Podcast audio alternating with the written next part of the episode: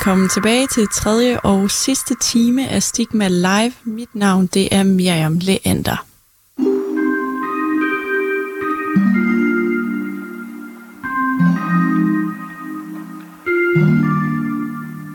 Her i tredje time af Stigma Live er Laura Jongli Nielsen stadig gæst.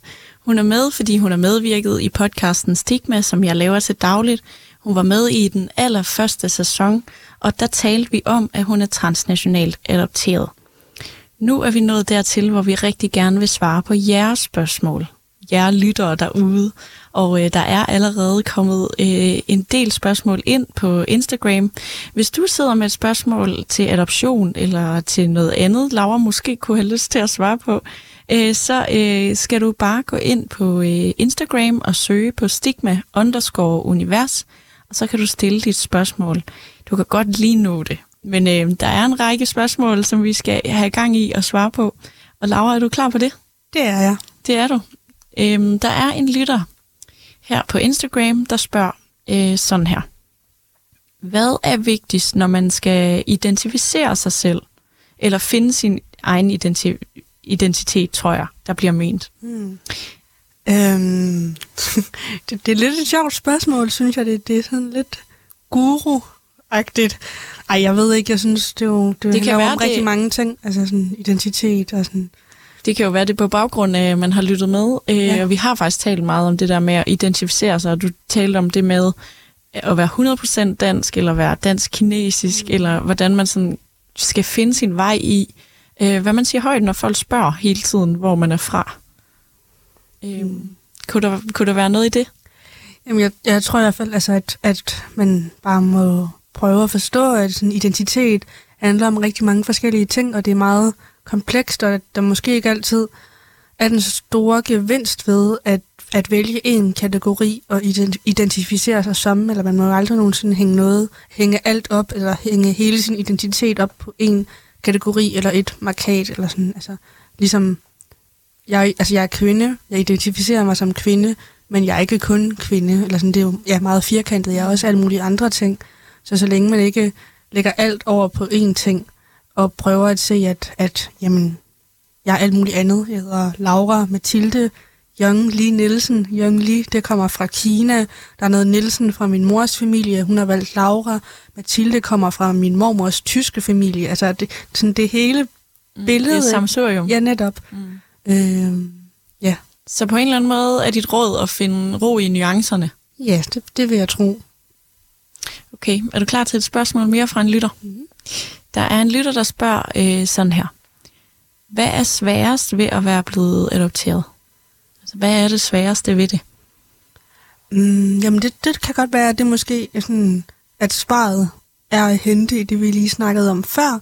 Altså at begribe, sådan, hvor, hvor komplekst det kan være, hvor mange ting man skal forholde sig til. Både den, øh, den indre kamp, som det kan være for nogen, men også den ydre, det, alt det, man bliver konfronteret med øh, og finde, finde ro i det, og måske finde en erkendelse om, at man aldrig nogensinde kan finde en 100% ro. Og det er jo også bare en, en generel ting, ikke?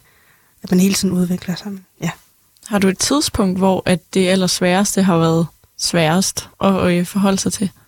Ja, det er nok, når man bliver altså, ja, konfronteret med det, og så altså måske en fordom eller noget racistisk, at, at huske på, at, at det bedste jo nok er at, at sige fra, men det kan man jo blive så, man kan blive så afvæbnet, når der lige pludselig er en eller anden, der kommer hen eller et eller andet. Står du så i situationen bagefter og tænker over, hvad du skulle have sagt? Ja, det gør jeg altid. Så har jeg alle mulige fraser og gode comebacks, mm. som jeg ikke fik sagt, ja. Får du dem sagt nogle gange? Ja, det synes jeg. Eller i hvert fald bare reageret sådan, ja, med, gennem reaktioner eller nonverbal kommunikation vist, at jeg ikke er interesseret. Ja. Endnu et spørgsmål? Mm. Okay, der er også en lytter, der spørger, øh, nu sagde du det med racisme, så nu tager jeg lige den her. Der er også en lytter, der spørger, oplever du racisme i Danmark, fordi du er asiatisk udseende? Mm, ja, altså jeg oplever racisme i Danmark, både fordi at jeg er asiatisk udseende, men, men det er jo også noget, man, man altså, bliver oplyst om øh, gennem andre. Men jo, der er der nogle, nogle racistiske fordomme, som er særligt myndet på øh, folk af asiatisk udseende, og også, og ja, altså asiatiske eller østasiatiske kvinder er også en kategori altså for sig, som, som der er nogle idéer om. Så det her spørgsmål, det er måske mere rettet på, øh, om du oplever det på egen krop, og mm. sådan racistiske oplevelser, om du selv har nogle af dem. Øh, men du mener også, siger du, at der er racisme i Danmark. Ja, begge dele, ikke? Ja. Mm. Jamen, øh, så vil jeg gerne stille en af dem, jeg synes... Øh, ej, man må ikke rangere spørgsmålet, men det her spørgsmål, det rammer mig virkelig. Jeg synes, det er et godt spørgsmål. Øh, vil du gerne selv adoptere? Øhm, først og fremmest, så... Ja, der jo ligger jo en eller anden... Ja, det ved jeg ikke. Måske sådan en lille subtil antagelse om, at jeg gerne vil have børn, måske. Og det er jeg ikke sikker på. Mm. Men hvis jeg nu... Ja, hvis vi nu går med på den, at jeg gerne vil have børn, øhm, så vil jeg... Så vil jeg nok ikke adoptere. Og det igen, ja, det spejler jo tilbage på, at jeg, at jeg ikke er sikker på at være børn, så jeg vil hellere ikke have børn, end at skulle adoptere. Øhm, er det fordi du, nej, ikke rigtigt. er det fordi du øhm, altså, har nogle bekymringer omkring det at adoptere? Fordi du selv har oplevet det? Øhm. Nu kan adoptere jo også ja. være meget, ja. altså det er jo et vidt begreb, ikke? Det kunne være en adoption øh, inden for landets grænser, mm. det kunne være fra et naboland, det kunne også være øh, transnational adoption. Øh, distancerer du, eller sådan, rangerer du også de forskellige efter, sådan, hvad du mener om det? Ja, bestemt. Altså, den transnationale adoption er nok den, jeg for, ikke for, ja, jo, måske for alt i verden vil undgå, eller den, jeg helst vil undgå. Øh, jeg synes, noget, der er noget lidt sådan interessant i øh, sådan større kollektive familier, øh, andre former end kernefamilien, hvor man er øh, flere forældre, altså medforældre, som op, øh, hvad hedder det, er med til at øh, skabe et barns opvækst og opdrage på et barn. Øh, og hvad, altså at alle er en del af det, og det ikke nødvendigvis er øh, kærlighedsrelationer eller seksuelle relationer, som, som binder familien sammen. Øh, og i den forstand, så kunne man jo godt tale om adoption, øh, eller i hvert fald få øh, delt myndighed, det lyder også sådan lidt formynderisk. Mm. Jeg ved godt, hvad ja, du mener. Over et, ja. Sådan, ejerskab er et meget værre ord, men det ved sådan... Custody, eller sådan, det, ja. ja. ja, det kan ja. også lidt sjovt, men... Ja, jeg forstår godt, ja. hvad du mener. Øh, så det, faktisk øh, har jeg lyst til at spørge, det er ikke en lytter, der spørger om, om regnbuefamilie tiltaler dig. Altså en familie, der ikke er kernefamilie, den traditionelle opfattelse af kernefamilie, sådan konstellationen, mm. om det i virkeligheden øh, er mere noget, du øh, sådan, har lyst til at abonnere på? Ja, bestemt. Altså, det, ja, og det behøver jo ikke sådan, ja, ja det ved jeg ikke, regnbue, det, det er også mange ting. Øhm, det er måske bare alt andet end den traditionelle... Ja, det, er, det ved jeg ikke. Det bliver vel lidt sådan koblet sammen med øh, queer eller med andre former for seksualitet end heteroseksualitet. Men, men jeg ved ikke, jeg har en eller anden sådan, måske en, en idé om, at, at ligesom min mor, så kunne det være, at jeg, at jeg bare selv skulle have et barn. Det hedder ikke regnbuefamilie, eller hvordan? Mm, det gør det, det afviger fra sådan ja. normen, altså ja. at være enlig mor.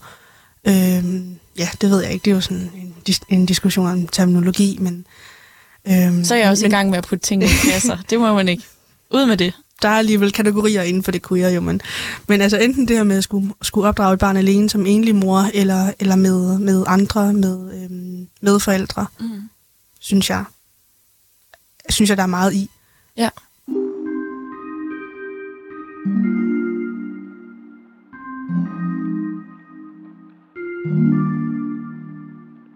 Nu er vi klar til endnu et lytterspørgsmål til dig, Laura. Og der er en lytter, der spørger sådan her. Kan du anbefale nogle bøger, eller nogle film, eller nogle podcast, øh, hvis man gerne vil vide mere om adoption? Øhm, ja, altså der er for eksempel en øh, dansk forfatter, der hedder Maja Le Langvad, som øh, har skrevet en, øh, en bog, som hedder Hun er vred, mm. som netop handler om transnationale adoption. Jeg tror måske, at undertitlen er øh, en, en beretning om ja, transnational adoption. Ja. Øhm, er det en beretning om hendes eget liv? Okay, så hun har selv oplevet en transnational adoption? Ja, præcis. Så det vil man vil have den der personlige erfaring og personlige øh, indgangsvinkel mm. til det. Øh, ellers så findes der også forskellige ja, podcasts eller Instagram-sider, som øh, har det som emne. hvor man kan søge, ja, sådan, ja, opsøge viden, øh, mere end, end det er sådan et spejlingselement, tror jeg. Man kan selvfølgelig også spejle sig i det, men ja, der er for eksempel en, øh, en Instagram-konto, som hedder Hvor kommer du rigtigt fra? som er Nova, som øh, ja, både skriver om at være adapteret. Det er jo, et, det er jo sådan et meget altså, klassisk på en eller anden måde spørgsmål, hvor kommer du rigtigt fra, når, når man ikke vil godtage, at Danmark er, er der, hvor man kommer fra. En klassiske fordom, som vi har øh, ja. rundet flere gange i dagens program, faktisk. Præcis, men ja, men ja, ja så, både, øh, så Nova skriver både om det her med adoption, men også om at være adopteret og være, øh, være queer. Øh, ikke at identificere sig med, øh, med sådan en binær forståelse af køn. Mm. Så der er faktisk øh, flere ting i den Instagram-profil i forhold til ja. det der med at identificere sig, som der også var en lytter, der spurgte ind til øh, før. Ja, det er ja. rigtigt. Præcis, og det, jeg synes også, det giver en, den giver ligesom en, den her account eller profil en, øh, en god forståelse for, at det handler jo ikke kun om, om adoption eller om at være brun eller være fra et andet sted af, men, men de her, alle de her forskellige lag, som kan, som kan gøre det, ja, som med til at vanskeliggøre øh, at leve i Danmark, mm. øhm, eller andre steder, hvor der er strukturel racisme. At det ikke kun er racisme, men det også kan være en, en dobbelt, øh, der kan ligge en dobbelt vanskelighed, hvis man måske ikke er heteroseksuel, eller har ja, nogle andre ting, som, øh, som ikke er accepteret af normen. Eller, mm. ja, som Så her med en anbefaling, øh, hvad var det, den hed, profilen? Den hedder, hvor kommer du rigtigt fra? Hvor kommer du rigtigt fra? Ja. ja så gå ind og følg den, hvis I vil høre mere. Det var, øh, det var en anbefaling til, øh, hvis man vil vide mere om adoption. Øhm, jeg tænkte også på, sådan, øh, når lytteren spørger sådan, så er det måske også, øh, jeg ved jo ikke, om lytteren selv er adopteret, mm. øhm, men, men hvis du skulle sådan give et råd til en anden en, der er adopteret, øh, der lytter med, øh, sådan, hvis den person har lyst til at vide mere, er det så den personlige beretning, øh, øh, den bog, du henviste til, eller er det også at sådan, følge nogle bestemte Instagram-accounts, eller hvordan? Mm, jamen, jeg ved ikke, altså der er jo, der er jo forskellige måder. Var, var spørgsmålet, hvad man kunne Hvis du kunne, kunne opsøge? Ja, altså også sådan, om, om der er noget, du vil anbefale til andre, der er adopteret. Sådan, hvad du bruger det til, om, om det giver dig noget at have noget, nogle andre, der er adopteret og spejle dig i. Øhm, så der er måske jamen, flere jamen, spørgsmål det, i det. Ja, selvfølgelig.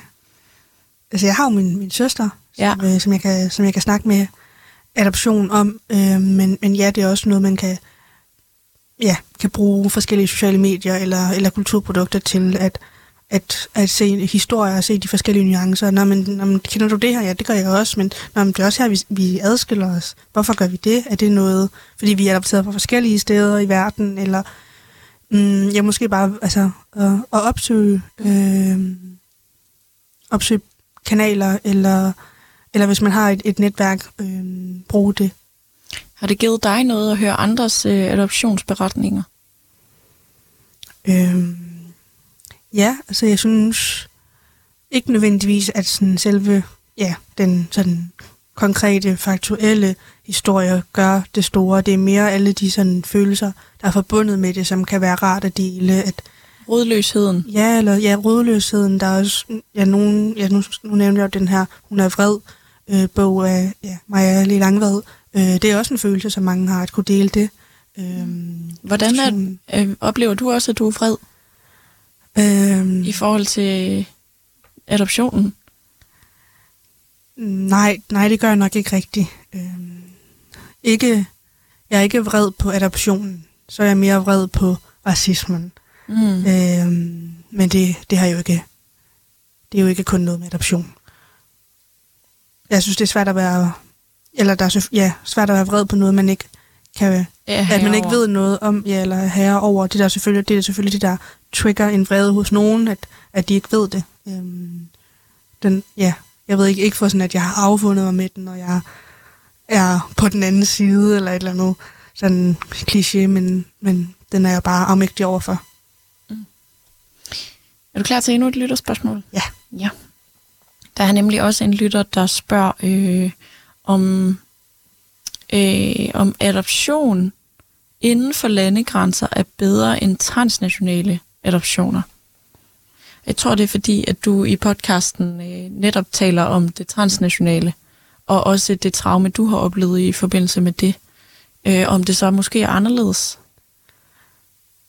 øh, hvis det er Ja. inden for landegrænser. Ja, altså, det, det er jo anderledes i den forstand, at man ikke øh, i langt de største tilfælde bliver konfronteret med racisme. Det kan man selvfølgelig også sagtens blive, hvis det er inden for landegrænser, øh, for Dan- ja, inden, for, inden for Danmark eller et andet, nation- en anden nation.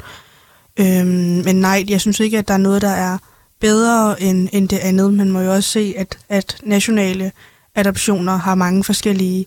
Øh, ja, man må jo se det i den, en, i den enkelte kontekst og den enkelte situation. Der er også mange, der bliver øh, altså fjernet fra deres familie øh, af staten, fordi at staten går ind og vurderer, at, øh, at forældrene, de biologiske forældre, ikke kan, kan tage vare på deres barn, og det er jo også nogle gange noget, de gør lidt for, lidt for hurtigt, øhm, men, det kan, men det, der kan jo også være reelt tale om, om omsorgsvægt.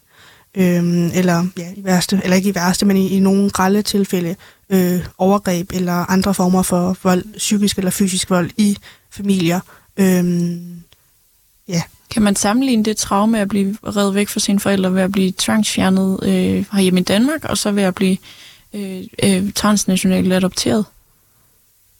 Mm, nej, altså man kan ikke, man kan jo ikke, man kan ikke sådan sammenligne det, synes jeg. Det er jo to forskellige ting. Det ene, der har forældrene jo valgt, at, at de ikke kan tage vare på barnet. Det kan godt være, at de har taget den beslutning, fordi at der så er en, et, et land eller en nation, der, der ligesom gør det, det til næste mulighed for dem. Nu snakker vi om det der med øhm, et barns politik i Kina. Øh, men hvis man, hvis man ser det som en, en tvangsfjernelse øh, nationalt, så er det jo mere en, en enkelt sag. Mm. Øh, hvor Men en jeg tror, for, altså oplevet, øh, jeg, jeg spørger til oplevelsen okay, okay. for barnet af at blive reddet væk fra biologiske forældre. Om, om der øh, ligger en sammenligning, når du også siger det der med, at det Mm. måske kan være for hurtigt, man fjerner børn fra deres forældre. Ja, altså det er måske, jeg, jeg, er, ikke, jeg, er jo ikke, jeg er ikke sikker, men, men det kan godt være det, jeg synes det er for hurtigt, også altså i nogle tilfælde inden for, inden for Danmark, men det er stadig nogle, ofte nogle børn, der alligevel har været hos deres forældre, biologiske forældre i noget tid. Det er sjældent, man, man går ind og fjerner barnet fra dets biologiske forældre i Danmark, før at, det, at det er født. Det er jo i de, helt, i de værste tilfælde. Mm. Øhm, men jo, der, er- der er sikkert noget, altså noget, man kan tale om og Ja, have det er jo heller ikke, fordi du skal sidde og være ekspert. Jeg forestiller mig bare, at fordi du har oplevet øh, transnational adoption og, og øh, kalder det et traume øh, for, for dig som barn, at der måske øh, også øh, for dig så er et hjerte for de børn, der... Sådan et særligt hjerte for de Mm. børn, der så bliver fjernet tidligt, fordi du ved, hvad det vil sige at vokse op med at være blevet revet væk fra biologiske forældre. Om der der i er en form for sammenligning. Jo, jo, men- jo, men det er der vel. Det, altså, på et meget overfladisk niveau, så er der nogle, et, et grundlag for sammenligning. Så får jeg også lyst til at spørge, om du synes, at adoptioner... Ej, jeg er nok nødt til at være mere specifik. Om du synes, en transnational adoption er en god idé? Hvis man står og er et forældrepar, øh, som ikke kan få børn og måske gerne vil adoptere et barn, at man så vælger en transnational øh, adoption Mm, i dag i 2022. ja. Jeg har faktisk en, øh, en bekendt eller en ven, som, øh, som tidligere snakkede om at adoptere transnationalt, øh, hvor jeg var ret sådan, kritisk over for det, og stillede ham nogle sådan lidt indgående spørgsmål om, hvorfor han synes det var en god idé, og hvad han tænkte, at det, det krævede. Øh, så sagde han også, at, jamen, at, øh, at det var en... Han talte om tillid over for barnet, og han talte om, at, om hvilken opgave det var at skulle sætte sig ind i, hvor barnet kom fra, og den forskel, der var i, blandt, øh, mellem kulturer. Øh, men, men selvom at man, man gør det, og selvom man er meget, ja, det ved jeg ikke, om jeg vil sige, altså ansvarlig, øh, velovervejet i det, så tror jeg stadig ikke, at jeg synes, at det er en, en god idé, øh, eller et, et svar på, på ikke at kunne få børn. Det er i hvert fald ikke noget, man, noget der skal glorificeres. Vil du ikke anbefale det til din, et vennepar, der skulle adoptere? Mm, nej, det tror jeg ikke, jeg ville. Altså, jeg vil ikke, være, jeg vil ikke gå ind og være overdommer, eller altså sådan være moralens vogter, og jeg vil heller ikke være så kritisk igen, at jeg vil tale dem ud af det på nogen måde. Men jeg tror, jeg vil understrege, altså, hvilke konsekvenser det kan have, altså, eller i hvert fald bare, hvilke konsekvenser jeg synes, det har for mig, og det er jo, ja, det kan godt være, at at det bliver, at det bliver lykkeligt, eller sådan, at, mm. at de øh, ikke med det barn kommer til at opleve noget lignende. Så derfor vil jeg ikke skulle bestemme.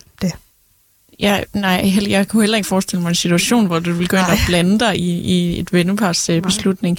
Men hvis de nu spurgte om din anbefaling, og du ikke ville anbefale det på baggrund af det, du selv har oplevet, vil du så i stedet anbefale noget andet? For eksempel at adoptere et barn, der er født i Danmark? Hmm.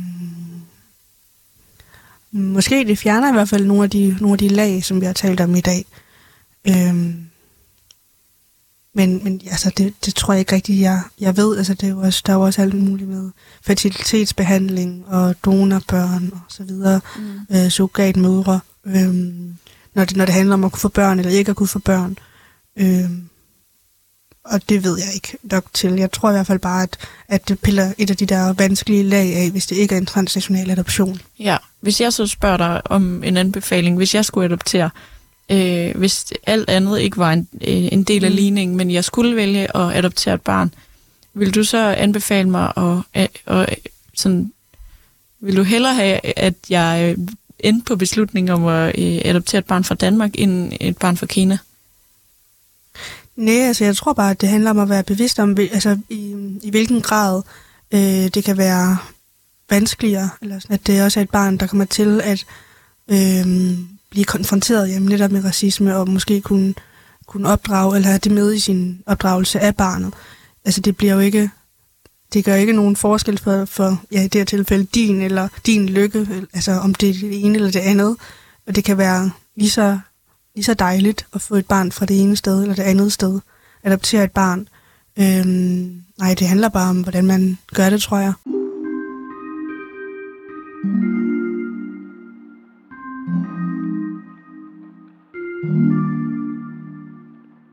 Velkommen tilbage til Stigma Live. Her er de sidste 20 minutter, vi svarer på lytterspørgsmål og er i fuld gang med det. Laura, er du klar til at, at få det næste spørgsmål? Yes. Der er en lytter, der er inde på Instagram, inde på Stigma underscore univers, profilen for min podcast Stigma, øh, der i story har spurgt sådan her. Har det fyldt meget for dig i din opvækst, at du er adopteret? Hmm. Øhm, Jamen, jeg ved ikke, om jeg synes, det har, det har fyldt meget. Det har jo det har bestemt fyldt noget. Det er ikke, altså, man kan jo ikke rigtig sådan, ja, hvordan skal man lige definere meget, men, men som, øh, som jeg har talt om, så er det jo noget, jeg altid har været klar over, eller været bevidst om, fordi min mor har, har ja, ladt mig det vide, eller sådan, det er jo ikke noget, der er blevet, det er noget, der er blevet snakket om i tale, sat hun, øh, og så videre.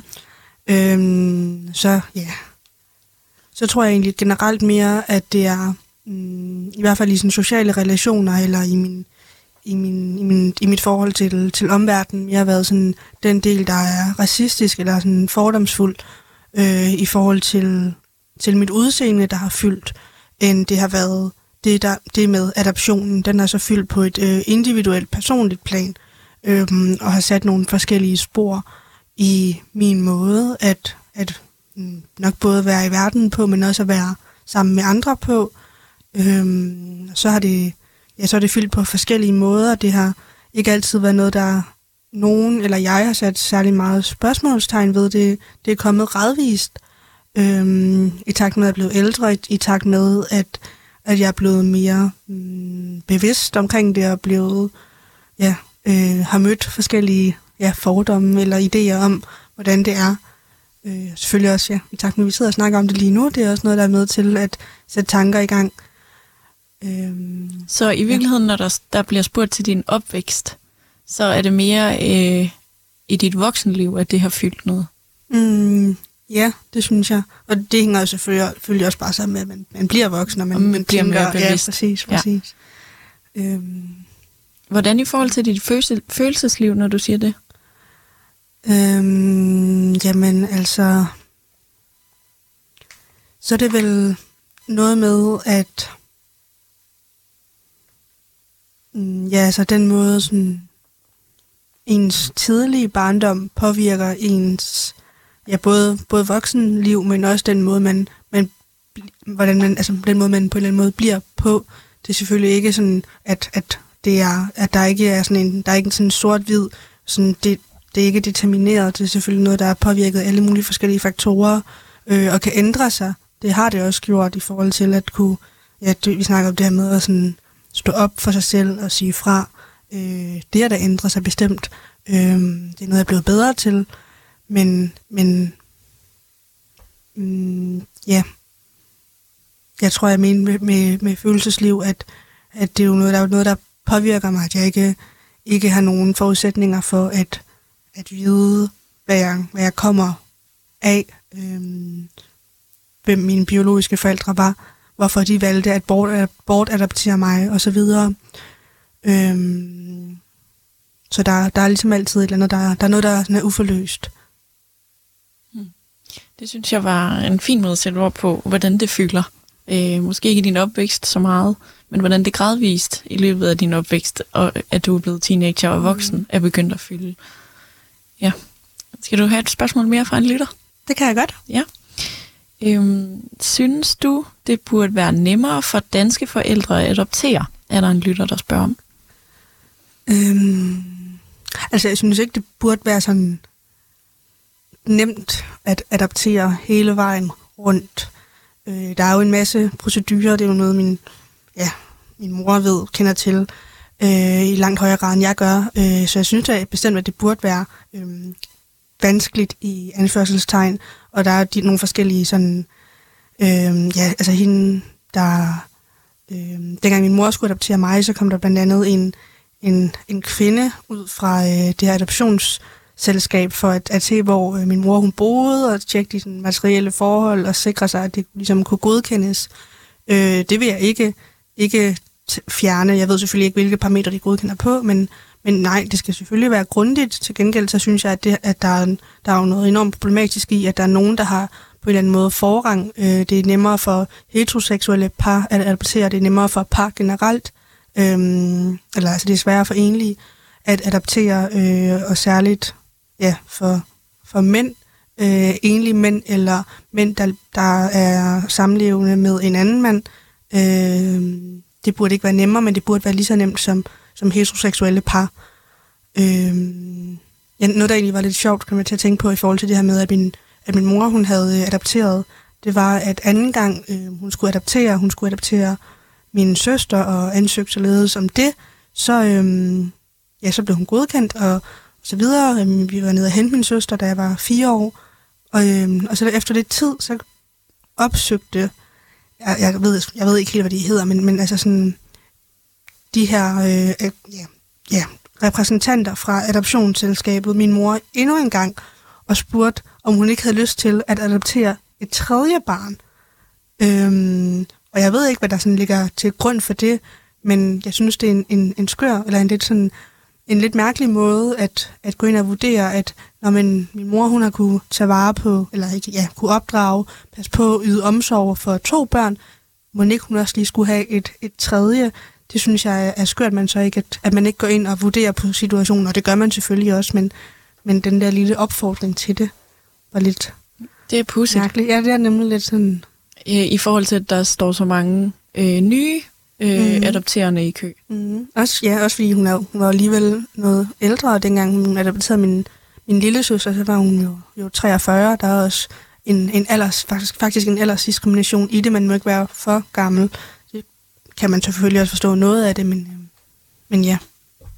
Ja, altså jeg, jeg kender jo også faktisk et par, som, øh, hvor at, at det afhang af, altså barnets alder afhæng, afhang af forældrenes alder, mm, ja. i forhold til, hvornår de måtte adoptere. Ja. Der er mange regler for det. Ja, helt vildt. Øhm, men de her regler, dem, dem synes du, altså, når, når der bliver spurgt fra lytterens side, om det skal være nemmere for par at adoptere, så siger du, øh, altså, selvfølgelig skal de tjekkes, og selvfølgelig skal der være mm. regler og krav til de forældre, der skal være forældre.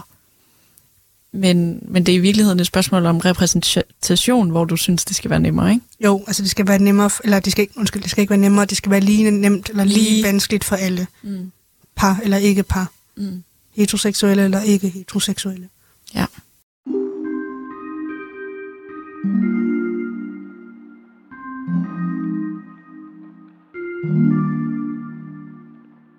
Men øh, der er en lytter, der spørger, om øh, du kan mærke adoption som et traume i dag. Og det er jo fordi, at din stigma-episode, den hed Laura øh, oplever, oplevede sin øh, øh, transnationale adoption som et traume? Mm. Øhm, der kom jo lidt sådan nogle, ja, som vi snakkede om tidligere, nogle reaktioner på det her, på den her øh, episode, og jeg tror også, det var fordi, at jeg brugte det her ord, øh, traume, som man ligesom kan lægge rigtig meget forskelligt i. Øhm, så jeg ved ikke, ja, nu er jeg jo nok, ja, det er ikke for ikke at stå ved det, men jeg synes da stadig, at der er nogle, sådan, der er nogle traumatiske elementer i det, at, eller i adoptionen, øh, som kan opleves på forskellige måder. Det er selvfølgelig ikke alle, der, der oplever det som et traume, men, men ja, jeg tror alligevel, man, at der er noget om det, ikke? Øhm, og jeg, jeg, en traumatisk oplevelse. Ja, ja, som vel også er et traume så, eller... Ja, ja. ja. Øhm, Jamen, skal, men, vi, ja. skal vi starte med, fordi øh, i podcasten, der sagde du også, at hvis man går ind og kigger på sådan den teoretiske definition af, hvad et traume er, så er det det, der ligger til grund for, at du siger, at det godt kan argumenteres for at opleves som et traume. Ja. Ja. Altså, altså fordi, øh, hvis man stiller sig kritisk over for, at det er et traume, fordi man sammenligner det med alle mulige andre øh, slags øh, traumer, og mm. måske ofte sætter det i forbindelse med et eller andet overgreb, eller mm. en ulykke, eller, eller noget øh, på den måde voldsomt, øh, så øh, kan det måske være svært at forstå øh, det ordvalg, mm. traume. Mm. Øh, men hvor du prøve at knytte, nogle ord til, hvorfor du alligevel kaldte det et traume? Øhm, tror, at jeg kaldte det et traume, fordi at jeg oplever, eller mit traumebegreb, er nok noget lignende af en, af en, en, en, en oplevelse af så voldsom en karakter, at det sætter spor i den umiddelbare øh, nutid efter traumet, men også kan sætte spor øh, i, i resten af ens liv, og kan have så stor en effekt og være så kraftfuldt, at det påvirker en person, eller påvirker mig øh, på en bestemt måde, som, som måske ikke havde været tilfældet, hvis ikke der havde været et traume. Hvis man, altså, hvis man lige for eksempel kort sammenligner, altså det er ikke, for, ikke fordi man kan sammenligne, men det er måske nemmere for nogen at, at forstå øh, traumet, eller sådan PTSD-traumet hos krigsveteraner, altså en, kæmpe, en, en, en, eller en enorm oplevelse, krigen, der ændrer på nogle, måske nogle personlighedstræk, eller på, på den måde, man opfatter verden på før krigen versus efter krigen. Ja. Det er jo så det, som vi så skal prøve at forstå i en før adoptionen og efter adoptionen. Øh, hvem jeg kunne have været, hvis jeg ikke var, var blevet adopteret følelsesmæssigt, øh, personlighedsmæssigt, og hvilke konsekvenser det har haft for mig at blive adopteret. Øh, så det er det, jeg synes er, er traumet, at det ligesom er skældsættende og definerende. Øh, der er ligesom ikke noget, det er sådan point of no return. Øhm, og så igen, ja, nu siger jeg lige det her, som jeg sagde før, at, at man altså ikke er determineret til et dårligt liv, eller determineret til en personlighed, eller noget bagefter. Det er bare noget, der altid er, er med en, så man kan, så man kan håndtere på forskellige måder. Mm. Så øh, hvis det er sidder fast nu, øh, så øh, hvis vi skal vende tilbage til lytterspørgsmålet, hvilke eftervirkninger er det så, øh, du kan mærke i dag øh, på baggrund af traumeoplevelsen? Mm. Ja, altså, nu har jeg jo aldrig nogensinde haft et, en en, en, øhm, en personlighed eller noget, som jeg har, har i erindringen fra før den traumeoplevelse.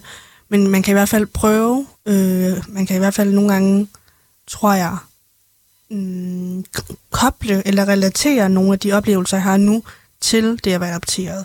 Altså mange adopterede, det er sikkert også mig selv inklusiv, kan have hmm, sådan lidt tillidsvanskeligheder, kan have svært ved umiddelbart at, at at stole på folk, det er noget, der kræver tid. Man skal måske lige sådan se folk an, være sikker på, at de er øh, velmenende, at hvis de siger, at, at man, kan, man kan stole på dem, eller at de er der for en, at de så egentlig også er det. Og det kan måske få nogle adopteret, eller i hvert fald mig, godt tage lidt tid af til. Mm. Det synes jeg var et svar til, til den lytter, er du klar på et sidste spørgsmål? Ja. Fordi uh, tiden løber. Vi ja. kan desværre ikke nå at svare på flere spørgsmål inden fra Instagram, hvor I har stillet jeres spørgsmål ind på Stigma Underskov Univers. Mange tak for alle spørgsmålene. Nu snupper vi det, det sidste, og så skal vi have en sang og en radioavis og sige tak for i dag. Men, øh, men først, øh, øh, der er en lytter, der spørger sådan her. Øh, øh, hvis du selv skal have børn en dag, vil du så adoptere? Og det har vi faktisk svaret på. Det har vi svaret på før. Yeah. Det er der flere, der har spurgt om. Yeah. Så er vi faktisk igennem øh, lytterspørgsmålene. Så vil jeg stille dig et spørgsmål her til sidst. Øh, hvis, øh, hvis du skulle give et råd til en ung person, der kæmper med oplevelsen af at være blevet adopteret, hvilket råd skulle det så være? Øhm, ja, altså det, ja, det kommer jo an på, hvilke, altså, hvordan personen kæmper med det. Øhm, om det er i forhold til at ikke føle sig hjemme, i forhold til sådan, altså, ja.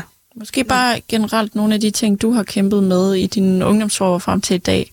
Altså, hvordan skal man identificere sig? Hvordan skal man takle, hvis man oplever øh, nogle øh, spørgsmål, man ikke har lyst til at svare på? Om der er nogle gode råd også til at finde ind til sig selv og finde ro i, øh, ikke at være 100% dansk, mm. øh, eller i hvert fald ikke at føle sig 100% dansk. Ja. Mm, det kan være, at jeg lige kan sådan fra hoften lave sådan en tre tip. Ja, ja okay, altså, det må du gerne. Ja. og det bliver også lidt banalt, men måske tip nummer et øh, er at tale om det.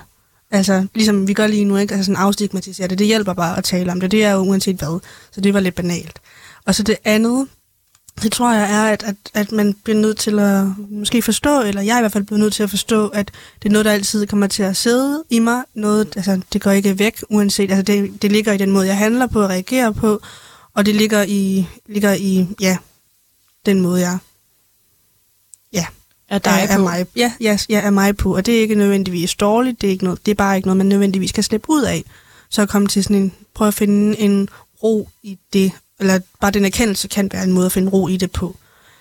Øhm, ja. Og så en tredje ting. Et tredje tip. Et tredje tip. Mm.